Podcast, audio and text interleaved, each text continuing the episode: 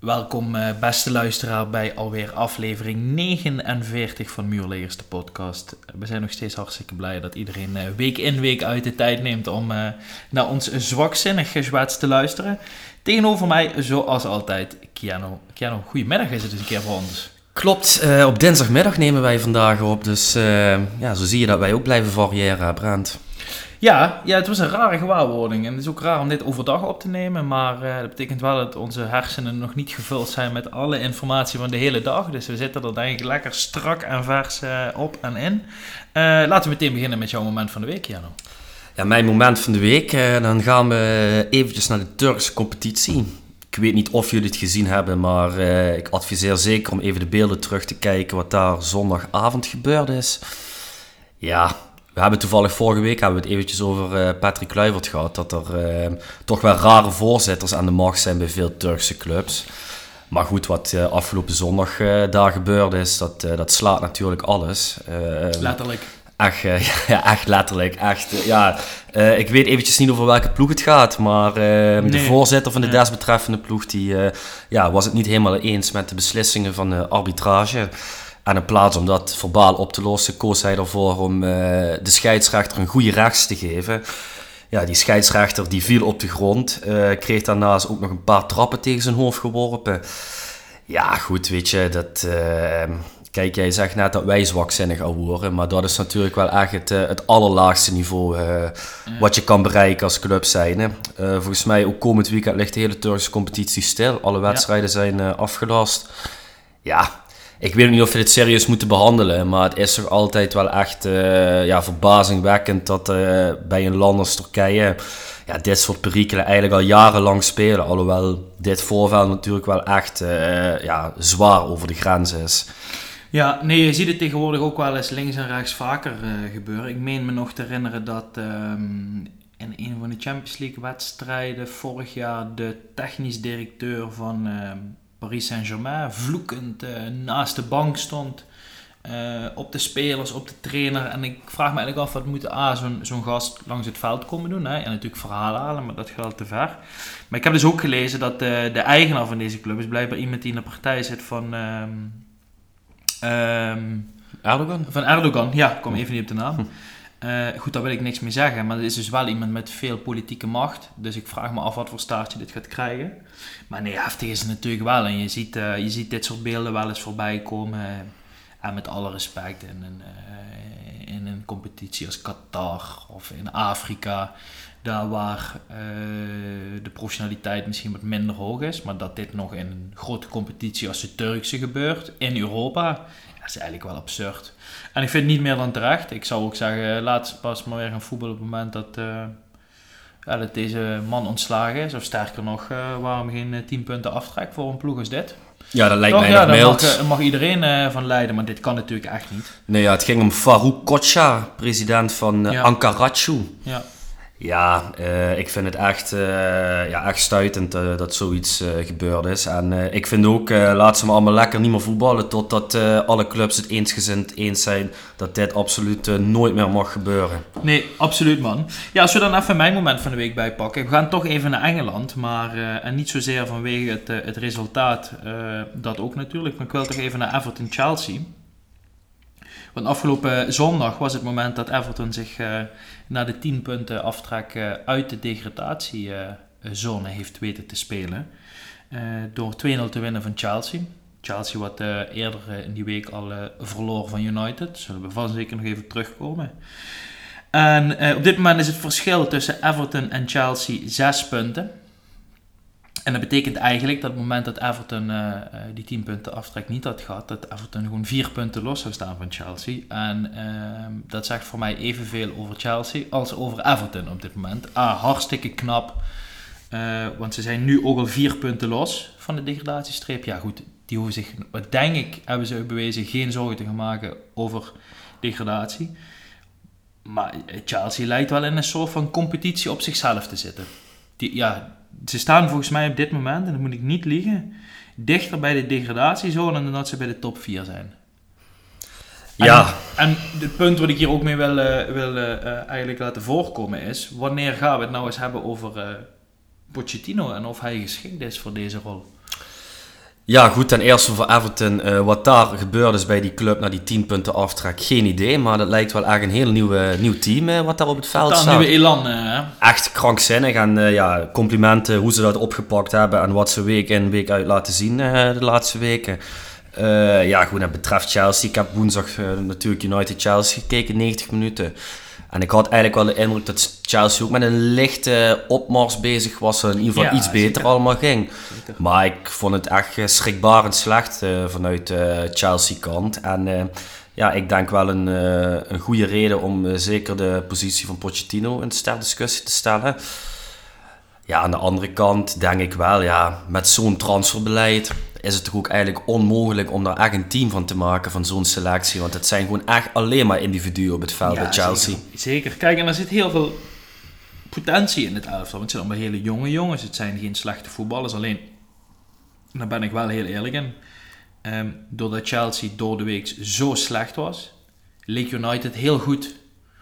Maar ik denk dat we het echte United afgelopen weekend weer hebben gezien. Uh, en dat bedoel ik zeer zeker niet lullig of, uh, of provocerend.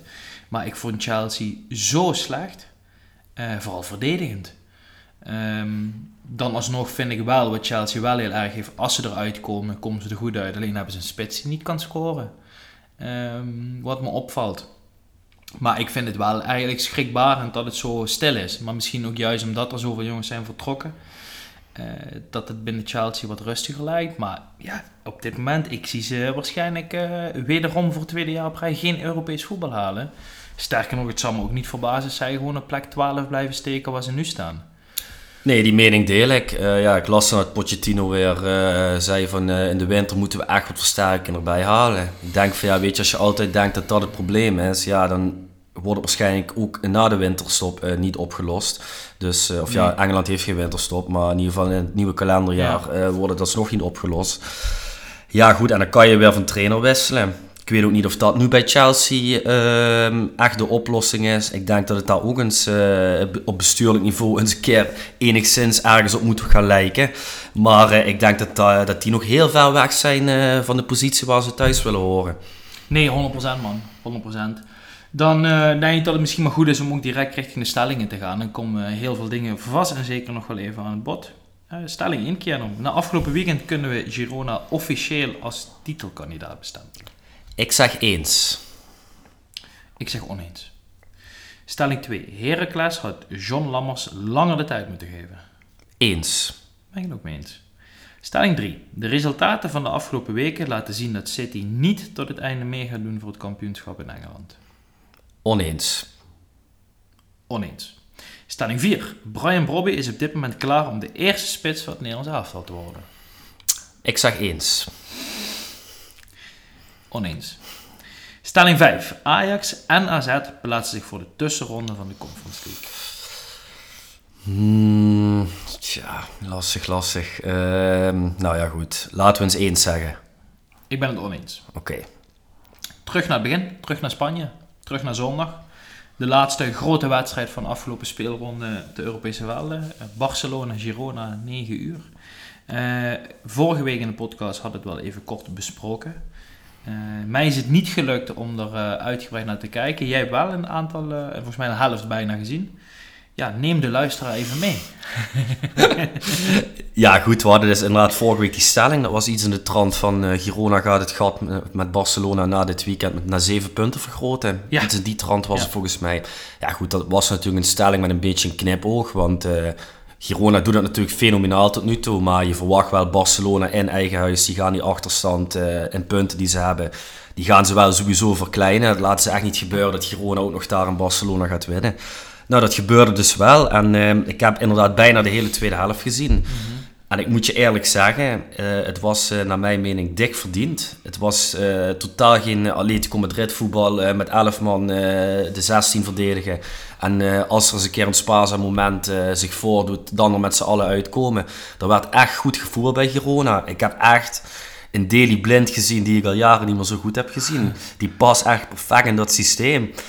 Uh, ja, af en toe was het gewoon echt gallery play wat uh, Girona daar liet zien. Er uh, waren fases dat ze soms vier minuten achter elkaar de bal hadden. Dat, ja, echt krankzinnig gewoon. En dat tegenover zie je dan in Barcelona. ja, wat totaal niet meer op het Barcelona lijkt wat het ooit geweest is. Dat was echt schrikbarend slecht. ook elf individualisten daar, totaal geen team. Ja, goed, en als dat zo doorgaat, dan uh, komen we misschien ook eh, binnen nu in een paar weken eens een keer te praten over de positie van Xavi. Want kijk, die man die heeft natuurlijk daar uh, een reputatie dat hij natuurlijk, ja, dat de kans heel klein is dat hij ooit ontslagen wordt. Maar ja, ik had wel verwacht een Xavi die ook zo lang onder Pep Guardiola eigenlijk het mooiste voetbal in mijn optiek, wat ik ooit gezien heb, heeft bewerkstelligd daar. Ja, dat die misschien wel iets van dat oude Barcelona tiki-taka voetbal wel terug erin kon brengen. Maar daar zijn ze verder verwijderd, verwijderd dan ooit van. Ja, en daarentegen, waarom ik het ook eens ben met de stelling, is uh, ik zie bij Barcelona zie ik het niet snel omdraaien. Ik vind Real Madrid uh, te wisselvallig uh, dit moment. Atletico doet natuurlijk nog altijd goed mee, maar ik zie bij Girona, ja, daar zie ik zowel op als naast het veld, zie ik wel iets ontstaan waarvan ik toch wel denk dat ze dit wel echt lang gaan volhouden. Dus daarom ben ik het ook eens met de stelling. Ja, nee, ja, ik kan er vrij weinig aan toevoegen. Dat wat ik heb gezien dat vond ik uh, heel interessant om te zien. Vooral stukken inderdaad, uh, wat jij zegt, de tiki-taka van achteruit uitverdedigen. Dat je denkt, kijk hier naar Barcelona vijf jaar geleden, weet je wel, bewijzen van. dat vond ik heel leuk om te zien. Dus Barcelona kreeg echt een koekje van, van eigen deeg. Ja, goed, kijk, op dit moment zit Girona in een fase, en daarom ben ik het niet eens met de stelling, waar alles valt. En ehm, ik denk als dadelijk een aantal bepalende spelers geblesseerd raken, dan ga je ook een ander Girona zien. En ja, hoe vaak kijken we nou al uh, uh, naar seizoenen in het, in het voetbal en blijkt dat een ploeg die in de eerste seizoenshelft geweldig presteert, uh, tweede seizoenshelft een paar ja, net niet wedstrijden verliest. Ja, waardoor het er heel anders voor ziet. En ik denk toch, als je gaat kijken naar in ieder geval de breedte van de selecties en de kwaliteit op individuele basis in de selecties, zie ik in Real Madrid en Atletico Madrid wel veel meer kwaliteit en veel meer ploegen die het tot het einde vol kunnen houden. De situatie is wel zo dat als we dadelijk in uh, februari, maart zitten en Girona nog steeds uh, of bovenaan staat of twee, drie punten uh, van plek 1 afstaat, ja, dan ben ik er wel van overtuigd dat ze het kunnen doortrekken tot het einde van het seizoen. Dat het knap is zeker, maar ik vind het zelf nog te vroeg om ze te bestempelen als titelkandidaat. Nee, dat, uh, dat begrijp ik. En uh, kijk, ja, tuurlijk, uh, het, ja, het zit inderdaad allemaal mee. Ehm, maar ja, goed, puur de manier waarop ze die resultaten binnen weten te harken. Daarmee suggereer ik niet dat het toevallig goed valt, hè, want ze spelen Barcelona eigenlijk van de mat. Ja. Alleen, je ziet toch ook, kijk, en dan maak ik even misschien een stomme vergelijking. Um, je ziet Spurs, de eerste acht wedstrijden, waar meteen gezegd wordt, deze kunnen, ja, ze kunnen meedoen tot het einde. Je ziet Roda een eerste periode. En je ziet toch, ja, sommige ploegen houden die piek wat langer vast dan de andere ploegen. Maar de ploegen waar echte kwaliteit in zit, ja goed, die houden het vaak tot het einde uh, vast. Sterker nog, kijk, we, hadden, uh, we schrijven Barcelona nu in zekere zin af. Ik denk ook niet dat ze kampioen geworden. Maar we hadden vorig jaar rond deze fase City ook al afgeschreven voor het kampioenschap. En dat vind ik toch ook weer het interessante van het voetbal. We kunnen er heel veel superlatieven op loslaten en heel veel voorspellingen.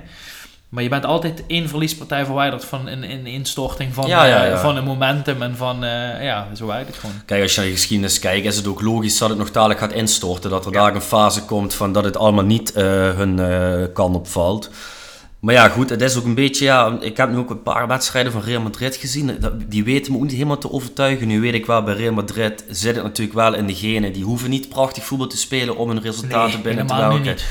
Maar ja, goed, ik, uh, ja, ik, ik heb op zich wel vertrouwen in Girona dat ze in februari nog wel daar bovenaan staan. Ik, ik hoop het man, want ik, uh, ik, uh, ik vind het echt geweldig. Uh, ja. Het, dit zijn natuurlijk een soort voetbalsprookjes. ja, en zeker, want je weet ja, dat Catalonië en Spanje die kunnen elkaars bloed wel drinken. En dat ja. Girona komt ook uit Catalonië. Ja. Barcelona natuurlijk altijd de grote broer. En dat ze dan daar in het stadion eigenlijk Barcelona van de mat spelen. Gewoon echt fenomenaal. Dus ik hoop dat Deli Blind en co het nog lang volhouden. En ik las het de voorzitter van Barcelona zei uh, dat ze de absolute topfavoriet voor winst voor de Champions League waren ik denk dat die misschien uh, eens een keer naar de dokter uh, moet gaan. Barcelona? Want, ja, die Laporta die zei dat afgelopen weekend. Want okay. met Barcelona gaat het echt, echt heel erg de verkeerde kant op. Ja, nee, dat denk ik niet eerlijk gezegd. Maar goed, ook dat is nog te vroeg. Klopt, ze zitten nog in het toernooi. Nou, als wij dan van Spanje even een overstapje maken naar Nederland, dan gaan we naar Heracles. En dan kwam ons, was dat vandaag of was vanochtend, Vanochtend, Vanochtend het nieuws ter oren dat ehm, John Lammers ontslagen is bij Heracles na 2-0 verliespartij tegen Vitesse. Ja. Ik vond het enigszins verrassend, want ehm, ja, ik ben heel eerlijk, ik volg het Eredivisie voetbal, maar ik denk iets minder nauwlettend dan jij. Maar jij kijkt wel regelmatig Heracles, toch? Of niet? Nee, nee, maar ik wil, daarmee, ik wil daarmee zeggen dat ehm, ik had niet het idee dat Heracles eh ondermaats slecht aan het presteren was en dat er echt totaal geen vooruitzichten meer waren. Dus ik eh, vond het interessant en verrassend. Ja, ik ook. Eh, ja, John Lammers, eh, zaterdag inderdaad uit bij Vitesse met 2-0 verloren. Daarna opgewacht door de supporters van Heracles, die ontevreden waren. Gisteren heeft meneer Lammers nog zijn 60e verjaardag gevierd bij de club. Een dag later wordt hij ontslagen. Dan zie je ook een beetje hoe de voetbalwereld is. Ja, ik vind het heel raar, man. Kijk, het is niet dat ik in de fanclub van John Lammers zit, maar vorig jaar gepromoveerd eh, meteen met Ja. Heracles na Ja. de degradatieseizoen daarvoor. Twee weken geleden winnen ze nog met 5-0 uit bij Almere City. Eh, ze staan uit mijn hoofd 7 punten los op Volendam en 4 op Vitesse op een keurige 14e plaats. Ja, ik denk, is het dan nu echt nodig als je dan een paar mindere wedstrijden de afgelopen week hebt gespeeld om meteen die trainer eruit te gooien? Ik denk dat dit voor veel meer onrust zorgt. En ik vind dit echt weer een handeling waarvan je zegt, eh, dit is weer zo, ja, dit is paniekvoetbal. En dit gaat er waarschijnlijk voor zorgen dat het, eh, eh, dat misschien wat meer gaat afzakken. Klopt, ja, en ik denk, ja, als je dan een beetje gaat suggereren van wie moet hem opvolgen, dan gaat toch de naam van Maurice Stijn wel vallen, denk je niet? Of denk je dat hij zich daar te hoog voor voelt, Heracles? Eh, dit voelt wel als een Maurice Stijn job. Ja, toch? Ehm, ik vind dat dat Heracles ook eh, eh, best een leuke selectie heeft. Ik ben even de naam vergeten van die, die linksbuiten. Eh, Hansson. Hansson. Ja, die kan echt, die zie ik zomaar volgend seizoen bij AZ voetballen. Ehm, natuurlijk moeten we onze grote vriend eh, uit Kerkrade niet vergeten. Die loopt daar ook nog steeds rond. Mario Engels. Mario Engels, En, maar ook, eh, ik ben, ja, we komen allebei Die links, linksbuiten, Ja. die vreselijke, vreselijke De Limbombe. Limbombe. Brian Limbombe. Limbombe, ja. Man, man, man. hey. Ah. Maar nee, maar ik bedoel, kijk, het is niet dat ze, dat ze al vooraf zegt van oké, dit is geen Eredivisie-waardige selectie. Daar wil ik eigenlijk eh, naartoe. Dus ja, misschien wel. Ik vind het best een leuke suggestie. Had ik eigenlijk nog helemaal niet over nagedacht. Ja, ik denk dus misschien, want dat hoor je toch wel vaak, dat ze misschien bij Maurice Stijn al gepeild hebben van luister, mochten wij jou benaderen, zou je daarvoor openstaan?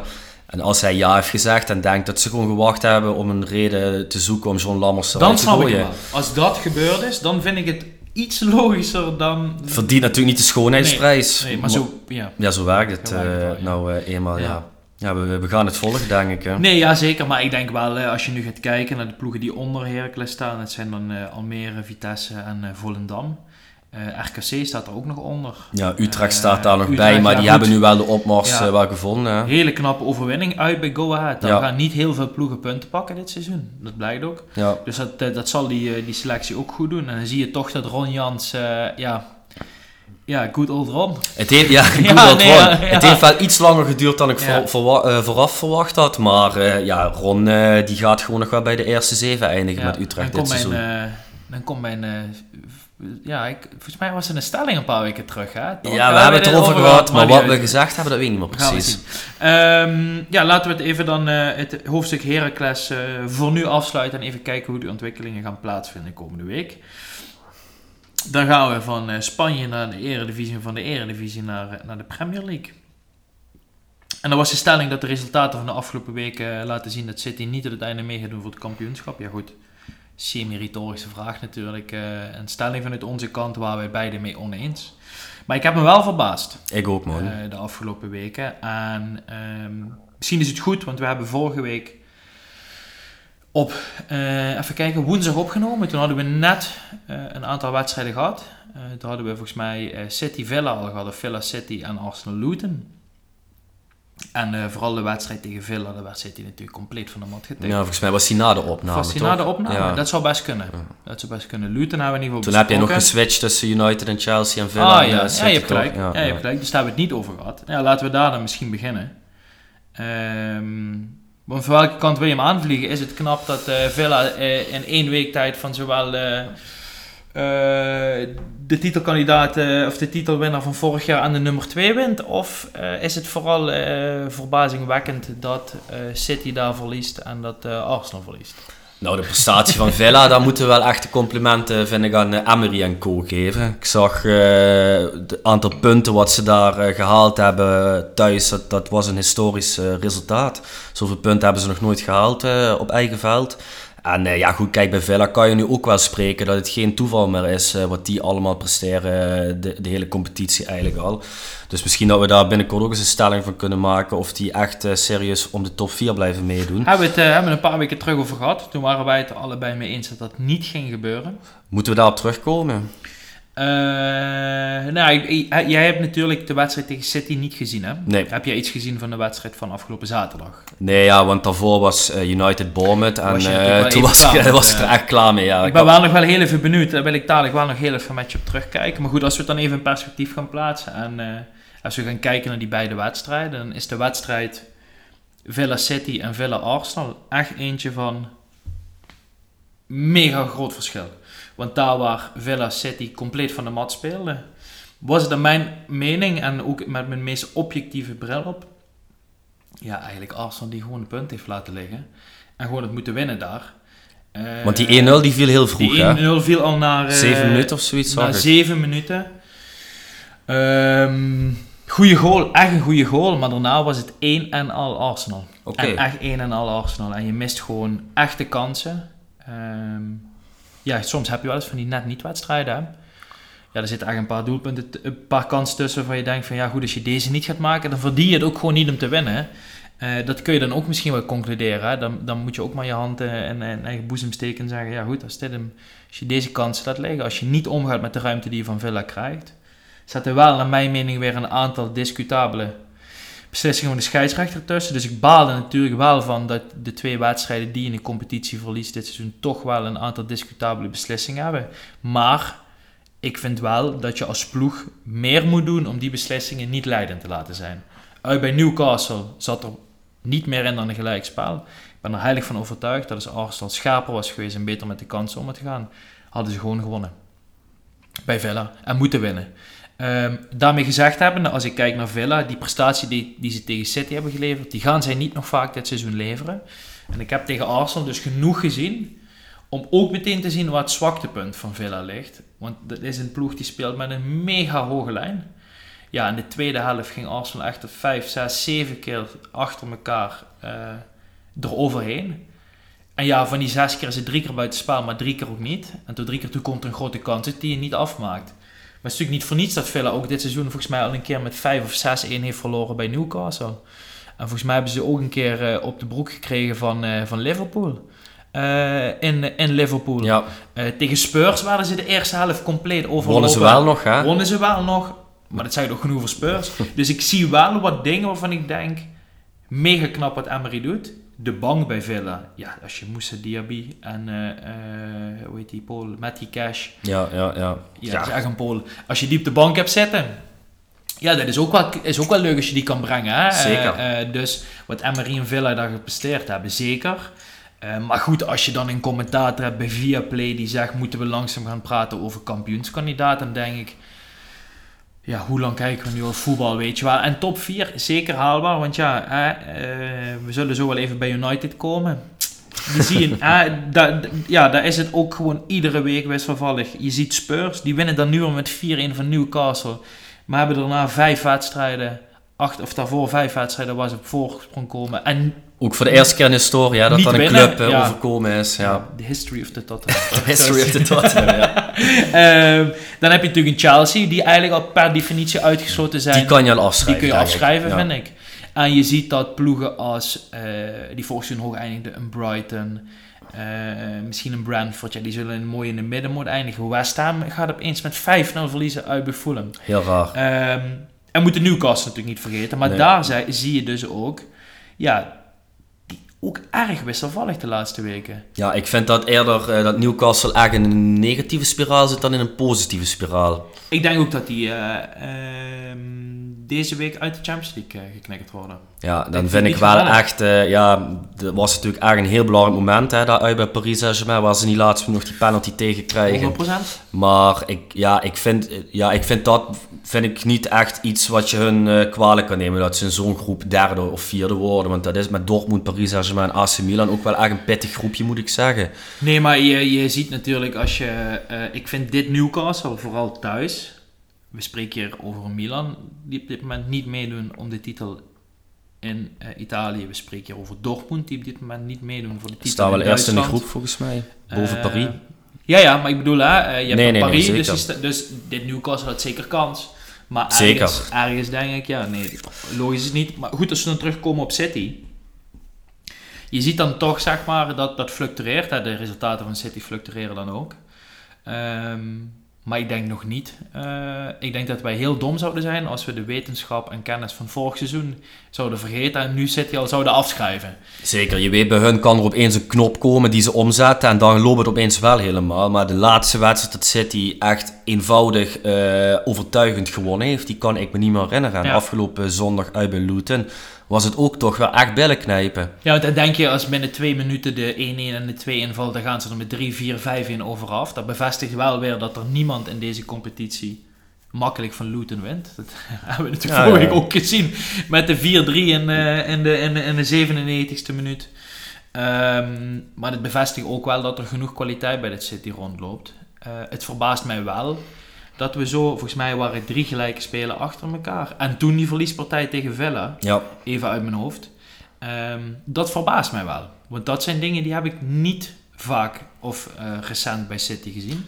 Ja, en wat mij ook verbaast, dat je toch een bepaald patroon uh, ziet als ze één doelpunt verschil voorstaan. Bijvoorbeeld thuis tegen Tottenham of thuis tegen Liverpool. En er komt echt een grote druk. Dan Gaan kunnen, ze er niet overheen. Nee, dat, dat, kunnen ze, dat kunnen ze niet vasthouden, die voorsprong. Terwijl, ja, de afgelopen jaren was dat toch nooit echt een probleem. Of was die marge was al na twee doelpunten verschil verdubbeld. Ja. Dus uh, ja, ik denk toch wel een zorgwekkende ontwikkeling bij City. Maar het is ook wat jij zegt Kijk, kijk naar de geschiedenis. Je weet dadelijk in februari, maart dat er een heel ander City op het veld kan staan dan wat we nu zien. Maar ja, ze moeten uitkijken dat die, uh, ja, dat die afstand niet te groot gaat worden. Want stel als jullie hadden gewonnen bij Villa, dan was dat dus toch wel echt een serieus schat al geweest. Kijken, dat was het 9 punten had het kunnen zijn. 6 punten, sorry. Ja. Uh, en goed, ik, uh, ik blijf erbij daarvoor baaien natuurlijk. En daarvoor, en ik, ik vind dat eigenlijk, um, ik vind dat voor mezelf vervelender dan dat het waarschijnlijk is. Maar iedere verliespartij in Engeland of ieder gelijkspel voelt zo immens en voelt zo uh, uh, catastrofaal in een competitie met een City of, of een Liverpool. Um, in Spanje, hoe vaak per seizoen verliezen Real Madrid of Barcelona en worden ze uiteindelijk nog kampioen. En dat, ergens schuurt dat wel voor mij. Dat betekent natuurlijk dat we het over de beste competitie hebben. Maar daardoor ben ik ook geneigd om misschien toch wel langzaam te denken: ja, is het misschien makkelijker om de Champions League te winnen als Arsenal zijnde of als hè, uh, Engelse ploeg zijnde dan kampioen te worden in Engeland? Dat ik denk ik wel. oprecht af te vragen, man. Of je dat niet misschien moet prioriseren. Kijk, belangen nou, we zijn nog niet afgeschreven. En ja, het fijne is, City laat zien dat, dat ook allebei punten kunnen verspelen. Ja. Maar wat heb je dan aan de andere kant? En wat echt in de luwte gebeurt en wat ook iets is waar we best even mogen stilstaan. Liverpool draait iedere wedstrijd om. En ik zeg je ze voetballen niet geweldig.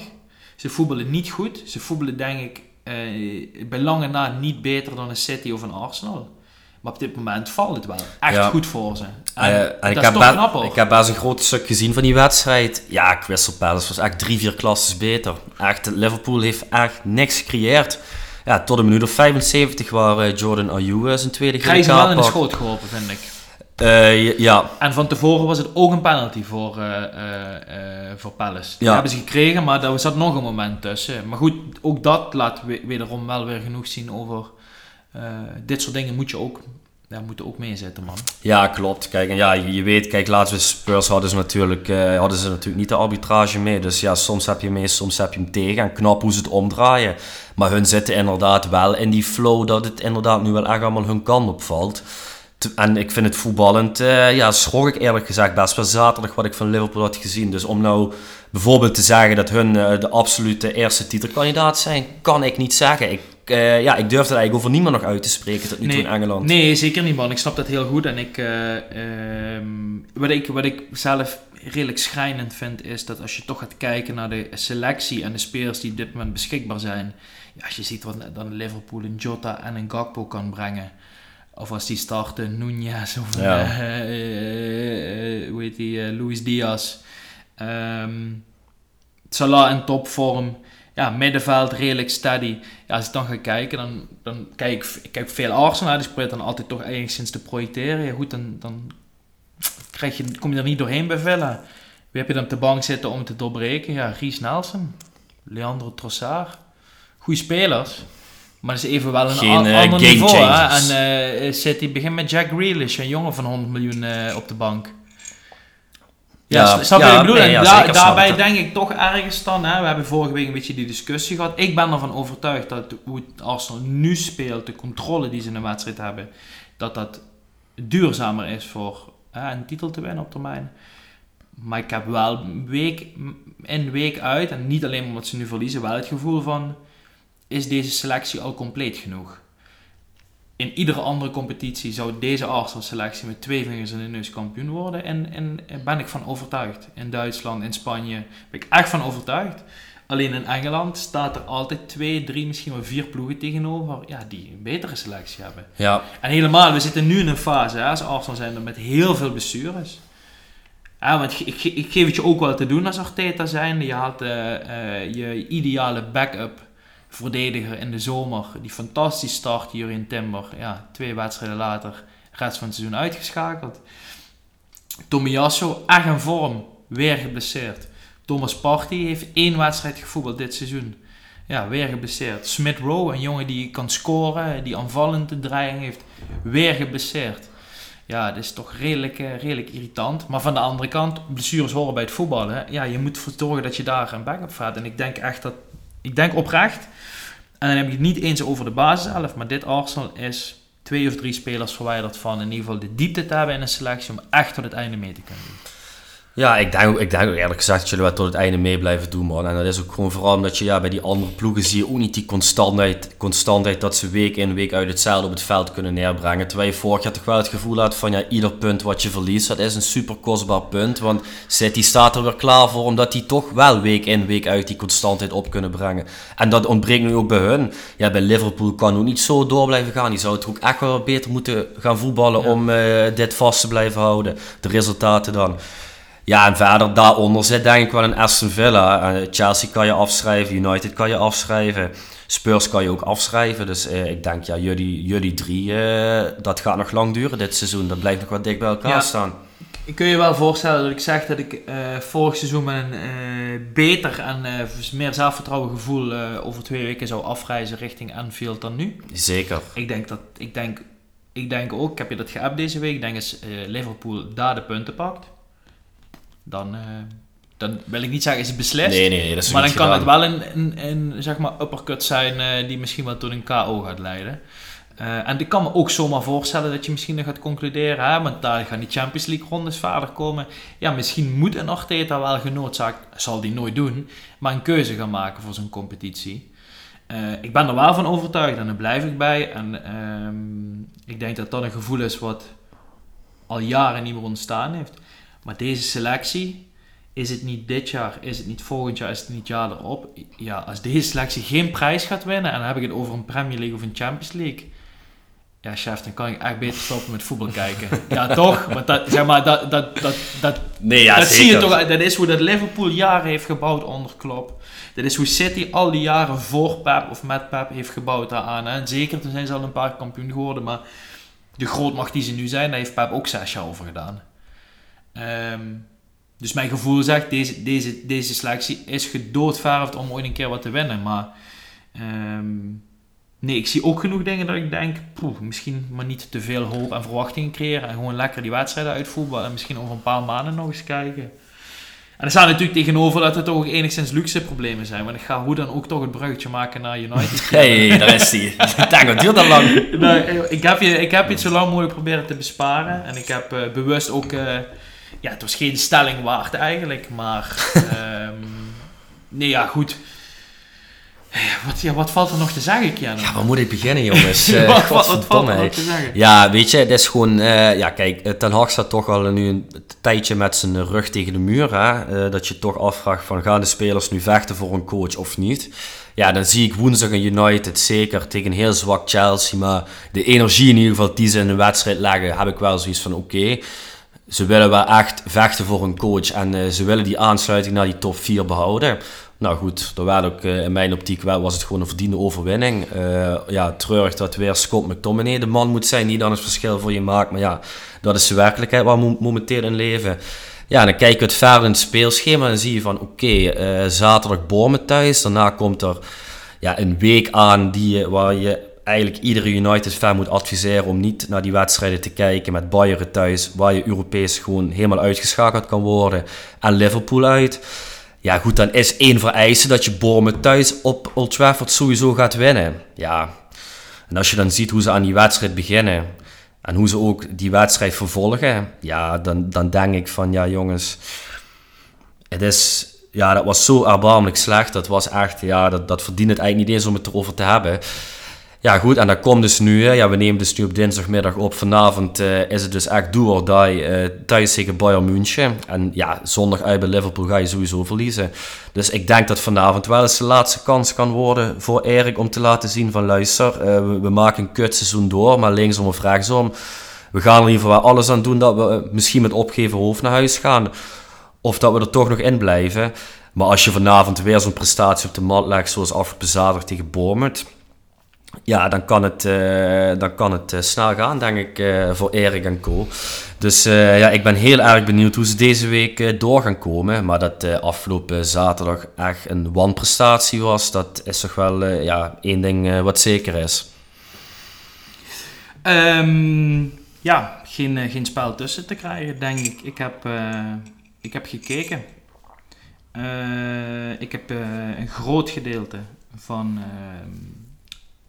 ehm, United Chelsea gezien. Ik heb een heel groot gedeelte, zo, volgens mij zelfs de hele wedstrijd van uh, United Bournemouth gezien. Ja, goed, ik doe je daar natuurlijk geen plezier mee, maar ik heb eigenlijk bijna hard op gelachen. Ja, dat weet ik. Uh, en, en, maar, meer, het, zeg maar, maar meer vooral de manier waarop. Maar eigenlijk gewoon, ik blijf erbij. Um, het is dat Chelsea zo slecht was door de week. Maar ik zag gewoon aan alles, als je hier een ploeg tegenover zet die wel met de kansen omgaat, dan ga je daar gewoon af. Ja, en laat dat net zo zijn dat Bournemouth dan, ja goed, dan is het verschil tussen, dat zegt genoeg over Chelsea, ja. Dat Bournemouth gewoon een kans afmaakt. Laten we ook niet vergeten dat het is dat hij met zijn, met zijn, met zijn pink de bal aanraakt. Maar eigenlijk wordt het gewoon 4-0. Ja, ja. Dan ga je er gewoon compleet af. Ja. En ik heb ook geen moment eigenlijk het gevoel gehad, komt goed, dadelijk valt. Ik, ik denk misschien net na rust. Ja, die vijf even, minuten, even vijf minuten zwaar erop. Maar dan zie je dan toch dat de kopjes er vrij snel gaan hangen als dan niks gebeurt. kwam ook geen serieuze kans uit. En wat ik eigenlijk het meest schrijnende vind, ik, ja, daar hebben we het al vaker over gehad. Maar nu pak zo'n Fernandes, denk ik, een van de domste gele kaarten die die kan pakken. Met in het achterhoofd, ik sta op scherp en we moeten de week daarna tegen Liverpool. Maar het voelde voor mij alsof hij hem bewust pakte. Dat hij dacht, hoef ik die wedstrijd gelukkig in ieder geval niet, uh, niet mee te maken. Want sterker nog, hij kan er eigenlijk ook nog vanaf gaan. Hè? Want 10 minuten later trapt hij ook gewoon iemand random uh, om de kant eruit te halen van achterin. En dan gaat hij er gewoon met rood af. Ja, en pure ik vind frustratie. Dat, en ik snap dat pure frustratie. Maar je bent, uh, we hebben het vaker over gehad, je bent de aanvoerder van de selectie. Je bent het verlengstuk van de trainer. Ja goed, ik vind dat, ik vind dat toch discutabel, Keanu. En ik kan me ook voorstellen, die blik van Ten Hag stond natuurlijk op onweer dat Ten Hag langzaam ook niet meer weet wat hij moet doen of moet zeggen. Want het ene moment valt het wel. Nogmaals, het is niet om de, uh, de prestatie tegen Chelsea te downgraden. Maar uh, het, het was ook niet wonderbaarlijk. Nee, maar goed, kijk, er werd wel gewoon constant druk gezet op de achterhoede van Chelsea. Alleen die keren als ze dan niet goed stonden, dan zie je ook meteen van... Hoe gevaarlijk het wordt. Ja, maar dat, Is, dat is tegen iedere tegenstander hebben ze dat. Ja, weet je, en als je altijd blijft vasthouden aan jongens als Maguire en Lindelöf ja, weet je, het, de afgelopen jaren hebben ze constant bewezen, die, die gaan het niet voor je doen. Die kwam ook al bovendrijven, de oude Harry Maguire. De oude Harry, Harry Maguire. Ja, want dat wil ik dus wel nog eventjes mededelen. Dan krijg je dus afgelopen vrijdag, komt in het nieuws naar buiten dat Ten Hag de trainer van de maand is en Maguire de speler van de maand. Ja, echt belachelijk. Ik weet niet uh, wie daar in die jury zit. Kijk, nee, dat uh, stemmen de sporters aan. Kun je op stemmen. Ja, oké, maar ja, goed. Uh, dat was dus echt voor de hele competitie, toch? Ten ja, ja, ja, Voor de maand uh, november. Ja, ja. Ja, kijk, ze hebben dan een paar goede resultaten gehad. Maar het voetbal was dan natuurlijk ook gewoon heel slecht. En inderdaad, nee, Maguire heeft het redelijk gedaan met de beste speler van de maand november. Ja, dat wordt dan gebaseerd op Kom het feit op, dat je drie wedstrijden uh, negen punten pakt. En Maguire natuurlijk die... Maar zijn ondergrens, ja goed... zijn ondergrens als profvoetballer was zo laag dat als hij een keer drie keer wel de bal naar de juiste kleur speelt, is hij ook meteen, ligt hij ook meteen op. Ja, maar beste speler Ja, van de ik vind maand, dat- ik jongens. vind dat ook lachwekkend. echt waar. ja. Maar ja, goed, eh, kijk, en de geschiedenis leert dus zo'n Maguire en Lindelöf, die gaan niet de, tra- eh, de, jouw positie als trainer zijn, die houden het niet houdbaar. Want de ene week kunnen ze een 7 spelen en de andere week is het een 2. En wat één ding zeker is, is dat Anthony Martial, die mag gewoon nooit meer in de basis staan. Die gingen met luid applaus af, hè? Maar die heeft 4000 kans gehad, die jongen. Kijk, die heeft Ja, maar- misschien ergens een geweldig potentieel ooit bij Monaco laten zien. Maar die doet het niet voor je. En dan snap ik dat Rashford het ook niet verdient om te spelen. Want ja, die komt ook geen pion voorbij dit seizoen. Maar toch niet ten koste van Martial, weet je. Waar, waar, waar zijn we dan mee bezig? Ja, Ja, dat zijn wel keuzes die je ten nog eh, kwalijk kan Ja, nemen. helemaal als je nog Rafael Varaan op de bank hebt zitten, die ook niet... Ja, die eh, was dan eh, wel woensdag geblesseerd tegen Chelsea. Die, die is wel echt, die heeft ook veel pijntjes. En, dus ja, dat kan je ook gek als afvragen. je met 30 jaar nog van Real Madrid gaat halen. Ja, ja, ja, ja, ja. Ja, nee, snap je? Ja, goed, dat- ik, ik zou die altijd boven Maguire en, en Lindelöf 100%. verkiezen. maar er zijn ook wedstrijden geweest dat Ten Hag hem tactisch op de bank heeft gehouden. Klopt. En dan heb je, laten we ook niet vergeten, hè, daar loopt er ook nog steeds een speler rond die het zeer zeker niet verdient. Eh, op dit moment waarschijnlijk, die zich ook niet heeft bewezen, maar die wel een hogere potentie heeft dan Martial en Sancho, die, ja, die gewoon ruzie heeft met de trainer en waar dan ook geen enkele poging meer wordt gedaan om dat recht te breien. En dan vraag ik me toch wel af, Keanu, heeft Ten Hag zo links en rechts zichzelf ook in een positie weten te zetten dat dit ter discussie zou moeten komen staan. Vorig seizoen met eh, Ronaldo werd gezegd, ja oké, de trainer heeft de beste beslissing gemaakt, want dit zorgt ervoor dat we de progressie naar voren gaan maken. Kun je je achteraf ook o- vragen over stellen, hebben we toen ook gedaan, heeft toen dat seizoen goed uitgepakt. Maar ik vind nu keuzes die hij maakt, en ook, ik blijf erbij, het Fernandes aanvoerder maken, vind ik gewoon een domme zet. Ja, maar wat is het alternatief? Maakt geen drol uit, maar ik zou Rashford nog een logischer keus vinden op dat moment. Of een Luke Shaw eh, bewijzen van. eh, dan, dan een Bruno Fernandes. Of Ja, ja. een Eriksen. Of, of Casemiro. Of dat soort jongens. Maar jij irriteert je natuurlijk zwaar aan het karakter van Bruno Fernandes. En Nee, dat is te begrijpen. Nou, dat zeer zeker. Het is de meest misselijke veld op de Engelse velden, vind ik. Maar het is ook geen voorbeeld. Het is de eerste speler die zijn kopie laat hangen. Hij is niet in vorm. Hij laat niks. Het is namelijk een jongen die op het moment dat het tegen zit, het team, denk ik, moreel technisch gezien meer naar beneden haalt en zegt. En nu kop je erbij. En snap je wat ik bedoel? Het is Ik- geen leider. Ik snap met de lichaamstaal snap ik wat je zegt, maar ik moet zeggen, qua energie en loopvermogen wat hij in een wedstrijd legt, is hij wel altijd een van de weinigen die altijd blijft gaan. Maar En- is, hij, maar is dan toch ook de eerste die het team in de steek laat om die onnodige eh, gele kaart te pakken? ja goed, dat, is, dat En gebeurt is dan nu. niet de eerste keer dit. Nee, nee, hè? nee, maar natuurlijk, kijk, die gele kaart te pakken, dat kan je hem kwalijk nemen. Dat ben ik helemaal met je eens. Kijk, en als hij af en toe zijn kopje laat hangen, dan heeft hij weer een eh, misselijk wegwerpgebaartje. Goed, dan zou je kunnen zeggen van, dat haalt het team naar beneden. Maar twee seconden later zet hij wel die knop weer om en dan gaat hij weer vol naar voren druk zetten. En dat mis ik ook bij een heleboel spelers. Kijk, dat zo'n Anthony bijvoorbeeld, Ja, goed, daar ga ik, daar Ja. ga ik niet eens meer over zeggen. Oké, nee, ja, goed, Nee, dat- ja, dat- nee, ja, toch, ja. Ja, Hoe nee, vaak- maar ja. Daar, heb ik, daar heb ik al heel vaak mijn mening over uitgesproken. Ik denk dat de luisteraar die al een tijd luistert, die weet wat ik daarvan vind. Ik vind dat echt... Dat vind ik ook op konto van Ten Hag. eh, zijn grootste miskoop. Dat is denk wel echt een paniekaankoop geweest. Hè, want Ja. ze hebben de hele zomer... na- 100 miljoen. Ja, het belachelijk. Dat heeft Ajax echt geweldig gedaan. Ze hebben de hele zomer naar iemand anders gezocht. Die kwam er niet. En op een gegeven moment was die transfermarkt nog maar drie dagen open. Ze moesten iemand aan die rechterkant hebben. Ja, ha- want Ten Hag heeft natuurlijk ook geen groot netwerk gehad toen hij naar United ging. Alleen die Ajax-spelers. Ja, dan koop je Anthony voor, een, voor 100 miljoen in de hoop van hopelijk valt het mee. Ja goed, het is eigenlijk nog erger dan, het, eh, dan je voor, voor- vooraf Ja. verwacht had. Dus eh, Maar, maar zie je, Ja. want we hebben natuurlijk dit, dit gesprek en deze discussie hebben we vaker. En ik snap wat je bedoelt te zeggen van Fernandes. Ja, ik zie dat wel iets anders, maar ik snap wel dat jij daar nog enige hoop uithaalt. Omdat je hè, terecht zegt, ja, ik zie vader ook niemand opstaan. Alleen, eh, alleen waar staan we nu? Want ehm, ik betrap mezelf er ook op. Er zijn momenten dat ik denk van, oké, heeft het lekker boven. Hè? We hebben het vaak over gehad, dan maar resultaatgericht. En niet zozeer praktisch en mooi en eh, een bepaalde speelstijl op het elftal bestempelen. Maar waar staan we nu? Want we zitten nu aan de vooravond van 2024. Eerste seizoenshelft zit er bijna op. United staat op dit moment zesde. Het gat is niet immens. Het gat is op dit moment, laat me even kijken. Ehm, Ja, die zal na- Zes plekken naar de top 4. Dan heb ik naar City. En 10 plekken naar uh, nummer 1. Punten bedoel je? Punten, sorry, ja, ja. ik zeg plekken. Ja. 10 punten naar nummer 1 en uh, uh, 6 punten naar Ja, dat zal na dit weekend zal dat weer 3 punten groter verschil zijn met de wedstrijd uit tegen Liverpool. Groot, maar is het dan zo dat laat ik het zo zeggen, voorafgaand dit seizoen was top 4 en Champions League halen prioriteit nummer 1. Dat was de doelstelling en da, da, dat moet lukken. Ik denk dat die doelstelling langzaam naar plek 5 of 6 moet gaan, oftewel Europa League. Maar dan is mijn conclusie: gaat Den Haag het seizoen daarna, als hij mag blijven, wel de verandering kunnen brengen? Of is de conclusie, of het nou een oplossing is of niet, dat helaas ook Erik ten Haag niet de oplossing is en dan maar weer de volgende proberen. Ja, dat zal de tijd moeten leren. Kijk, dan kunnen, dat we kunnen concluderen, seizoen 1 Ten Haag uh, boven verwachting gepresteerd. Seizoen 2 Ten Haag onder verwachting gepresteerd. Maar hoe lang gaat dit nog goed? Want we merken, we gaan natuurlijk zelf ook op en af. Dan staat Ten Haag's positie uh, ter discussie, dan niet. Maar hoeveel credits heeft hij nog? Want ik heb iedere keer het idee dat hij twee wedstrijden verwijderd is van ontslagen worden, dan wint hij er weer twee. Ja. Maar dit is toch ook niet heel goed, die continue onrust. Daar zal ergens nu deze week de overname van 25% door de Ineos groep bekend worden gemaakt. Ja goed, dat gaat ook het verschil niet nee, maken, die 25%. niet. Het is meer voor de bühne. Dat is voor de bühne. Ja. Maar snap je wat ik bedoel te zeggen? Is het, dan, is, ja, is het misschien toch ergens het logischer om te zeggen dan laat de volgende het maar proberen. En misschien valt het dan wel goed. En ik weet, er is geen goede oplossing. Maar ik denk dat toch ook wel de conclusie is dat Den Haag...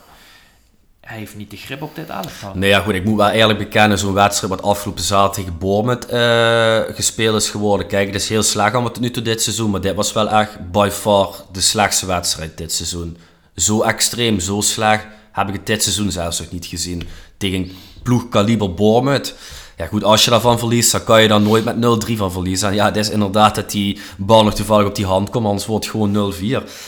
Maar uh, ja, ik vind, het, ik vind het lastig, maar vooral omdat ze inderdaad zo wisselvallig presteren. De ene week heb ik het gevoel van, oh, de spelers willen vechten voor de trainer. De andere week heb ik het gevoel van, oh, laat die trainer alsjeblieft gaan en daarna presteren we wel weer. En ik ben nog altijd van mening, ondanks al het geld wat gesmeten is de afgelopen jaren kwaliteitsselectie is ook gewoon niet goed genoeg voor top 4. Nee, zeker niet, man. Helemaal niet. Als je goed kijkt wat er omheen zit, ik denk dat veel een leuker elftal heeft dan United. Klopt, en ik vind, uh, ja goed, de, uiteraard uh, Arsenal, Liverpool, uh, City sowieso, maar inderdaad ook Spurs, Newcastle, die ja, acht ik in potentie gewoon groter dan, dan dit United. Maar ik denk ook de slimheid van de aankoop. Ik kijk dan, haalt United voor 60 of 65 miljoen haalt Mason Mount. Ja. Spurs had voor hetzelfde bedrag James Madison. Ja.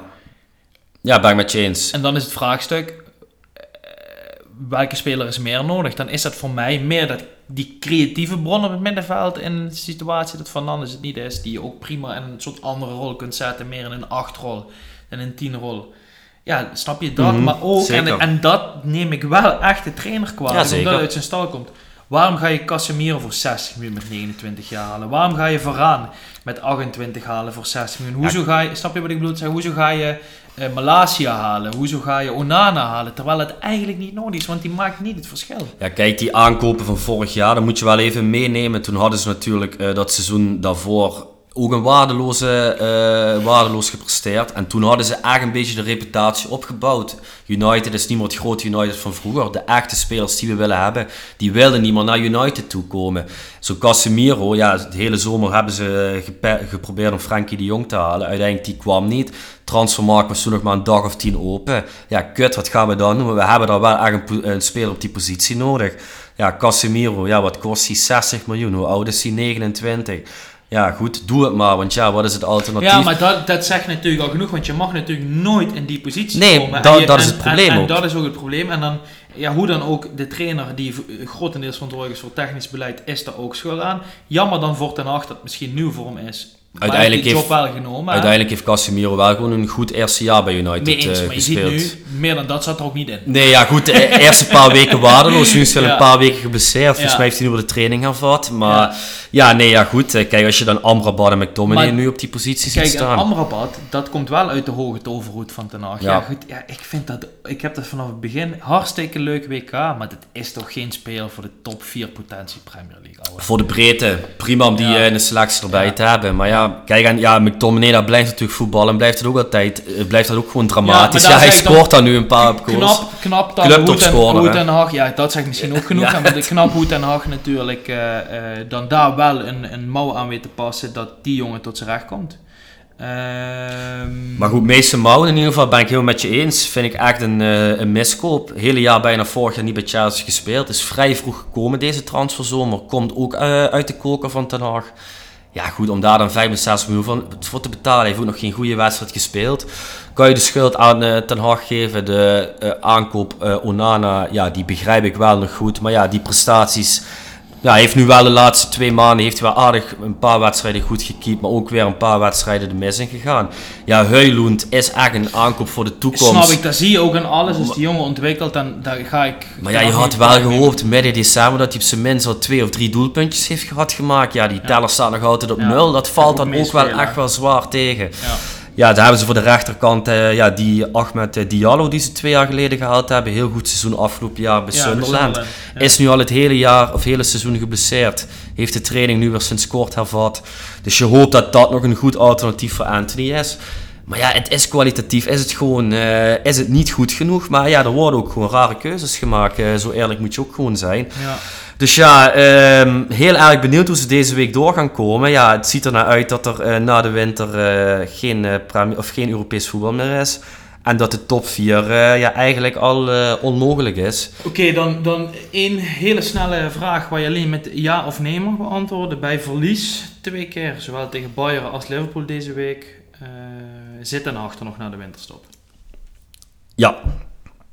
Ik zeg nee. Oké. Ja. Stelling 4. Okay. Brian Brobby uh, is op dit moment in topvorm. Uh, voor zijn doen. Maar Kijk, de stelling... Ik ga er zo slag op, hè. maar ja, goed, op dit moment uh, is hij dan ook klaar voor spitsen van het Nederlands elftal. Jij bent het ermee eens? Dat wel. En ik blijf bij mijn standpunt van een paar weken terug. Ja, ik zag wel gisteren bij Ron hadden ze het er serieus over dat uh, Bobby goed zou zijn uh, om naar United te gaan. Dat hij daar het niveau makkelijk aan zou kunnen. Ja, denk... naar de spits van 19 voor uh, eh, 70 miljoen. Ja, maar drie weken geleden heeft heel Nederland er nog over dat hij er geen kloten van kan. Zegt de bondscoach nog dat, dat, hij eigenlijk niet de bal kan afronden. Ja, Ongelooflijk. Ja. goed, weet je, ik, ik, ja, ik ben natuurlijk Ajax-fan. ik volg alles van Ajax. ik weet dat Brian Brobby iemand is die heel erg leunt op zelfvertrouwen. De afgelopen weken was dat er niet, zag je ook terug aan zijn prestaties. Nou goed, dat heeft Sean van het Schip toch weer bij hem teruggebracht. Want ook wedstrijden waar hij niet in scoort, ja, dan zie je toch wel uh, op de manier uh, hoe hij het voetbalspelletje speelt, dat dat een team echt helpt. En als ik naar alle spitsen kijk die het Nederlands elftal tot zijn beschikking heeft, ja, denk ik wel dat Brian Brobby... Uh, ja, dat dat wel uh, de beste mogelijkheid is die we voor komend EK uh, hebben kunnen gebruiken. En het hoeft niet per se als de afmaker te zijn, maar wel iemand balletje vasthouden. Spelers eromheen laten voetballen. Ja, ik denk dat, dat, uh, dat je daar meer aan hebt dan bijvoorbeeld Wout Weghorst of Thijs Dallinga aan de spits. Nee, daar ben ik het 100% mee eens. Maar ik denk dan wel, hè, ik ben kritisch geweest op Brian Brobby. En ik vind dat ik dat terecht heb mogen zijn als niet voetbalanalist bij Rondom, maar gewoon als... als als fan en volger van het Nederlands voetbal en, en het Nederlands elftal. Maar ik zie nog niet nu genoeg uh, om te zeggen, nou, dat moet wel goed komen, hij heeft de vorm gevonden, die gaat hij niet meer loslaten. En ik zie ook zomaar het moment gebeuren dat, ja, dat hij dadelijk er vier weken op rij niet scoort en dan komen de vraagstukken weer. Ik denk wel dat hij in potentie, en dat hebben we altijd gezegd, alles heeft om de spits te kunnen worden van Nederlands elftal. Maar dan moet hij wel dit scorend vermogen wat hij nu laat zien vast gaan houden. Want uh, je kunt natuurlijk niet in een situatie dadelijk komen dat Brian Brobby je enige outlet is op, uh, um, op een eindronde. En dat hij vier keer voor goal, open goal mist. En dat je daardoor ja, de groepsfase niet overleeft of zo. Ehm, want ja, achter hem ja, gebeurt er ook niet veel. Ja, Wout Weghorst wordt er niet jonger op. Luc uh, hoe heet die? De Jong. De Jong uh, kom even de naam, die wordt er niet, uh, niet jonger op. Afgelopen weekend twee doelpunten, Joshua Zerkzee. Ja, ja, ja goed. Laat die nog maar even ontwikkelen bij Bologna dan. Maar, ja, Bologna of Parma? Nee, bij Bologna. Oh ja, ja hij zat eerst bij, bij Parma, hij zit nu bij Bologna. Bij ja. Bologna. Je hebt natuurlijk uh, Thijs Dallinga nog, maar het zijn allemaal jongens. Ja, goed, die moet je denk ik ook niet te vroeg zoveel verantwoordelijkheden opleggen. Dus dat, ja, daar blijf ik eigenlijk bij. Ja, man. goed, ik ben benieuwd hoe Robbie zich gaat ontwikkelen. Als je dit weet vol te houden aan het einde van het seizoen, ja goed, dan, dan, dan mogen we denk ik wel langzaam andere dingen gaan eh, vinden en roepen. Ja, kijk, en dat was natuurlijk pas zijn zesde Eredivisie doelpunt van dit seizoen. Als je kijkt wat eh Jiménez en Pavlidis eh, tot nu toe gepresteerd hebben, daar zit natuurlijk wel echt een groot verschil tussen. Als ik jou dan ehm, zou vragen, als je dan eh Pavlidis, Jiménez en Brobby met elkaar vergelijkt, dan zou het zo nog, zomaar nog eens kunnen dat Brobby misschien het meeste geld gaat opleveren qua transfersom. Denk je niet? Mm. Ik denk... Ze zijn in ieder geval dicht bij elkaar, denk ik. Ja, maar ik denk dat Jiménez de stap eerder gaat maken, CQ volgende zomer, naar de Premier League. Zomerhans voor 60 of 70 miljoen. En Brian Brobby wil ik nog wel eens zien. Ik denk wel in zo'n competitie als Engeland is hij voor iedere club wel eh, tenminste interessant. Weet ik niet, want hij, want hij scoort niet. Als Nee, hij niet maar- in de Eredivisie kan scoren, laat staan in de Premier League, ouwe. Nee, maar je ziet wel spelers met dat postuur, dat, die zijn wel altijd eh gewild bij Premier League clubs. Zeker, het is een vechter, het is een bijter. En, en, en hij heeft ook wel die snelheid. Maar als hij de rust weet te behouden voor de goal, Ja, dan ja. heeft hij echt alles om wereldspits Die moet sowieso nog twee seizoenen bij Ajax blijven. 100%. Die moet echt pas op zijn 3 of 24ste de overstap durven maken. Trouwens. Ik hoop dat hij echt van heeft geleerd. Ja, dat hoop ik ook. Trouwens, Feyenoord, dat was toch echt door het oog van de naald, hè, thuis tegen Volendam. Ja. Mijn god, hè, 4 Ja, en dan zie je- 95 dan zie je minuten. toch wat ook vertrouwen misschien in zo'n ploeg doet. Ja, maar kan tegen dat- Volendam, die club wat laag brand staat, hij, Ja. ouwe in de eigen kuip, Maar hij. ook, er was ook zo'n pot dat het, dat ook af en toe net niet viel. Hè. Dan is het des te knapper dat je hem toch wint. En soms heb je het wel. Maar ik denk wel dat het goed is. Maar ehm, nee, het is, het is even op dit moment, eh, in deze fase van het seizoen, niet het Feyenoord wat wij vorig seizoen, het hele seizoen hebben gezien. En eh, ik vind dat jammer en ik hoop wel dat ze zich nog gaan herpakken. Want anders wordt het wel echt een grote zege toch voor PSV eh, naar eh, mei dadelijk. Hè. Ja, inderdaad. Volgens mij dit weekend AZ PSV, hè. Ja, ik moet het nog gaan hebben over de volgende echte test. Want ik, ja, je weet toch wat daar gaat gebeuren. Ja, ik zag nu de keeper van AZ, die had in de fitnessruimte had hij een gewicht op zijn oog gekregen. Die ligt er een paar weken uit. Matthew Ryan. Ja, eergisteren gebeurd. Ja, ik denk dat soort dingen zit, dat PSV dat ook nog allemaal mee. Hè. Dan zou die Pavlidis donderdag uit bij Legia Warschau wel zijn been breken of zo. Het is echt eh, onvoorstelbaar, Ja. eh, die club uit Eindhoven. Maar ja, Ja. goed.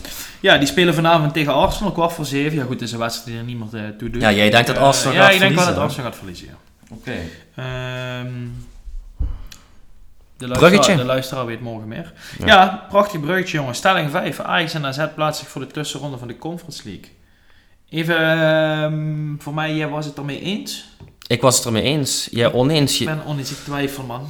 Ja, ik twijfel Ajax- ook, Ik, ik denk dat ze het misschien allebei wel niet gaan redden. Ja, daar ben ik ook een beetje bang voor. Ja. Maar ik dacht toch een beetje positiviteit afsluiten. Ik hoop het hè, want we hebben het wel nodig. Want op de coëfficiëntenlijst zijn we toch weer eh, aan het zakken. Frankrijk is boven ons eh, gekomen. Hè? Ja. Is essentieel belangrijk dat Ja. Ajax en AZ Europees overwinteren. Ja, ja, ja ik... eh, Beide een overwinning nodig. Ajax thuis tegen AEK Athene en eh, AZ uit bij Legia Warschau. ja, ik zie Ajax eigenlijk nog wel winnen. Ja? Maar AZ betwijfel ik toch wel, eh, toch wel over, man. En hebben ze het in eigen hand? Ja, als AZ wint, dan zijn ze door in Polen. Ja, het zou wel mooi zijn, man. Ja, Het zou wel echt heel mooi zijn. Ik hoop het ook, maar... Ook, ja, ook AZ. Die zijn zo afhankelijk van Pavli- Pavlidis. Hij is echt de enige die daar scoort. Hè. Hij is Ja. echt... eh, Ja. Dani de Wit, die wordt ook eh, bijna niet meer gebruikt hè, door Pascal Jansen. Nee, nee, dat Toch echt een klopt. sterk houden de afgelopen seizoenen. Ja, Ja goed, AZ is voor mij, eh, dat klinkt heel gek wat ik zeg, maar AZ is voor mij een ploeg die altijd in transitie is. ja. we zijn in opbouw. Continu, altijd in transitie. Ja, ja dat het, klopt. ja, het is echt een opleidingsclub. in mijn mening de beste opleiding van Nederland. Ehm, alleen, het is misschien een gekke, een gekke vergelijking, hè, maar ik vind ehm Dortmund is in zekere zin ook een opleidingsclub. Hè, jongens als Haaland, een soort tussenclub, hè, die kiezen ervoor. Eh Aubameyang, Mkhitaryan, Dembele, eh, Bellingham. Bellingham, snap je? Het zijn allemaal van die tussenfaseclubs. Alleen ergens weten ze dan die jongens ook niet lang genoeg vasthouden. En dat is AZ voor mij in het klein. Om toch eens een keer eh, echt continuïteit en een titelgooi te doen. En snap ik dat het in Duitsland iets lastiger is, maar zo'n AZ. Ja, ik denk als je daar eens wat jongens drie seizoenen bij elkaar kunt houden. In plaats van dat ze altijd meteen vertrekken. ja, dan, dan doen die niet onder voor een Ajax op dit moment. Of voor een Feyenoord.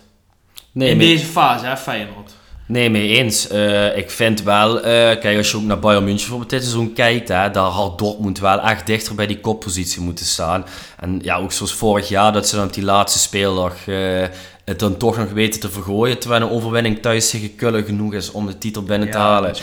Ja, dat, dat, dat lijkt wel alsof er een vloek op die club heerst eh betreft het kampioenschap. Ja, en betreft AZ helemaal mee eens. Ja, het wordt wel echt heel interessant of ze dat donderdag eh, gaan redden. Dat, eh, daar ben ik wel heel erg benieuwd naar. Ja, kijk je bij Ajax ook. eerste helft zondag te- of zaterdag tegen Sparta op zich prima. Dan zag je wel weer dat dat team een beetje in een stijgende lijn zit. Ja, tweede helft valt het dan weer zo ver terug. Hè. Boah, dan zie je ook weer hoe zwak die achterhoede is. Dus ja, of het ze donderdag lukt om tegen de kampioen van Griekenland eh, te winnen. Ja, Ik hoop het, maar ehm, ja, ik zou er niet meer geld op durven in te zetten. nee. Nee, laten we, laten, we het, eh, laten we het zien, man. Het is natuurlijk hartstikke mooi dat, eh, dat PSV al door is voor het Nederlands voetbal. Ja, Feyenoord Ergens- gaat door in Europa League. Ergens blijf ik er ook wel bij dat is Feyenoord even terug weet dat gevoel en die vorm te pakken. Vervolgens kunnen die heel ver komen in de Europa League. Maar verder natuurlijk, als je gaat kijken, staan er nog wel een aantal hele belangrijke, spannende potjes vandaag en morgen op het, eh, op het schema. Eh, vooral in de Champions League. Ehm, dus ik wil het nog wel eens zien. Ik ben ook nog wel eens benieuwd wat allemaal gaat afdalen naar die Europa League. Ja, zeker. Ja, Ja. kijk, je hebt sowieso die groep van Milan, Dortmund, Paris Saint-Germain, Newcastle. daarvan gaat naar de... Ja, ja. Dat bijvoorbeeld een Milan worden of een Newcastle. Ja, is Feyenoord niet kansloos Zijn ze niet per definitie titelkandidaat? Kan, ik zomaar, kan United theoretisch gezien nog de Europa League in? Dat kan theoretisch gezien, ja. Maar de kans is groter dat ze vierde worden. Ja, goed, maar we hebben het er nog niet echt over gehad. Maar wij hebben natuurlijk ook... Ja, Bayern is, heeft ook niet echt een lekker Nee. resultaat. Nee, maar daarom, gehad, de- ik denk dat dat juist negatief voor United is. Want als je 5-1 uit bij Frankfurt verliest, dan wil je de eerstvolgende wedstrijd als Bayern München zijn, dan wil je daarop revancheren. Is United vanavond? Ja, Dinsdagavond. ja. Hattrick Kane? Of Hattrick eh Maguire, dat zou nog kunnen. Moet toch nee. Nee, nee, nee. Nee, ja goed, ik denk dat Kane sowieso al gebrand is om op uh, Old Trafford te scoren. Ja, dus eh, heel lastig. Maar ja, ik denk Tuchel ook. eh, ja, die zal toch ook langzaam toch wel een beetje met de resultaten moeten komen. Hè? Ja, maar toch... eh, We hadden het erover voor de opname. Moeten we Bayern al afschrijven? Nee, nee, nee, dat niet. Dat niet, dat niet. Maar ja, dat goed. denk ik niet. Het wordt interessant deze week. Eh, ja, do- donderdag ga ik naar Ajax tegen Athene. Tegen Brighton was het een, eh, een waardeloze rit. Dus ik hoop eh, dat het donderdag ja, dat me meer gegund is. Ja, ik, ik wens je dat ook toe. Dankjewel, Eh, in Brent. ieder geval veel succes donderdag, maar ook heel veel succes vanavond. Dankjewel. Dat gaat het meest spannende worden. Voor de meeste luisteraars, die weten morgen hoe jouw humeur erbij zal staan. Dus, dus dat wordt zeer zeker volgende week vervolgd. Dan eh, hebben we mooi een uur en twee minuten opgenomen, Kjell. En ik denk dat we ook niet heel veel meer anders moeten doen dan het maar afronden. Dan laten we het Is er nog hierbij. iets wat je kwijt wil aan de luisteraar? Ga je kijken nog ergens specifiek naar uit? Ja, donderdag uiteraard dan eh, zojuist benoemd. Eh, ja, zondag is eh, Liverpool United. Dat is meestal altijd een heerlijk affiche. Maar daar kijk ik nu echt zwaar tegenop. Dus nee, ik kijk nergens naar uit deze week. Oh ja, het WK Darts begint, Ik Brent. net ja, zeggen, ja, ja, ja, eigenlijk stoppen met dat kutvoetbal. Hè. Ja. Heerlijk, hè. Eh, Ga je al een voorspelling doen voor... we hebben het er over gehad een paar weken Ja, terug, ook in deze ruimte. Ehm, denk je dat Van Gaal misschien in die underdog-positie gaat kunnen renderen? Ik denk dat het eh, niet negatief is dat hij een beetje de underdog-positie heeft. Eh, ik denk dat het een zwak WK wordt voor de Nederlanders. Dus eigenlijk alle hoop is ook wel op eh, Mighty Mike gevestigd. Ja, de topfavoriet dit WK is Luke Humphries natuurlijk. Dus heel goed jaar gehad. Cool Luke. hand Luke. Ja, dat is hem inderdaad. ja, en verder namen als een, eh, als een Price, eh, Anderson, ja, die blijven natuurlijk ook altijd kanshebber. Dus eh, ja, het, blijft het mooiste toernooi van het jaar. Dus daar kijk ik wel naar uit, moet ik Mooi, zeggen. man. Ja, ik oh ja, en Michael. Smit natuurlijk, hè, regerend wereldkampioen. Ja, ja. Nee, kijk, ik vind dat ook wel leuk. Voor mij is ook zeg maar de feestdagen en de festiviteiten. Klinkt heel gek, maar die beginnen echt als iedere dag dag. Ja, ja, heerlijk. Met Dus de kerstmuts op de bank. Lekker man. Lekker. Ja, goed, dan rest mij dan toch niks anders alweer dan iedereen te bedanken om het eh, wederom een uur en een paar minuten met ons volgehouden te hebben. Ik wil jou bedanken, Kenner, voor je sprankelende inbreng en aanwezigheid. En eh, tot volgende week. Tot volgende week, beste luisteraars.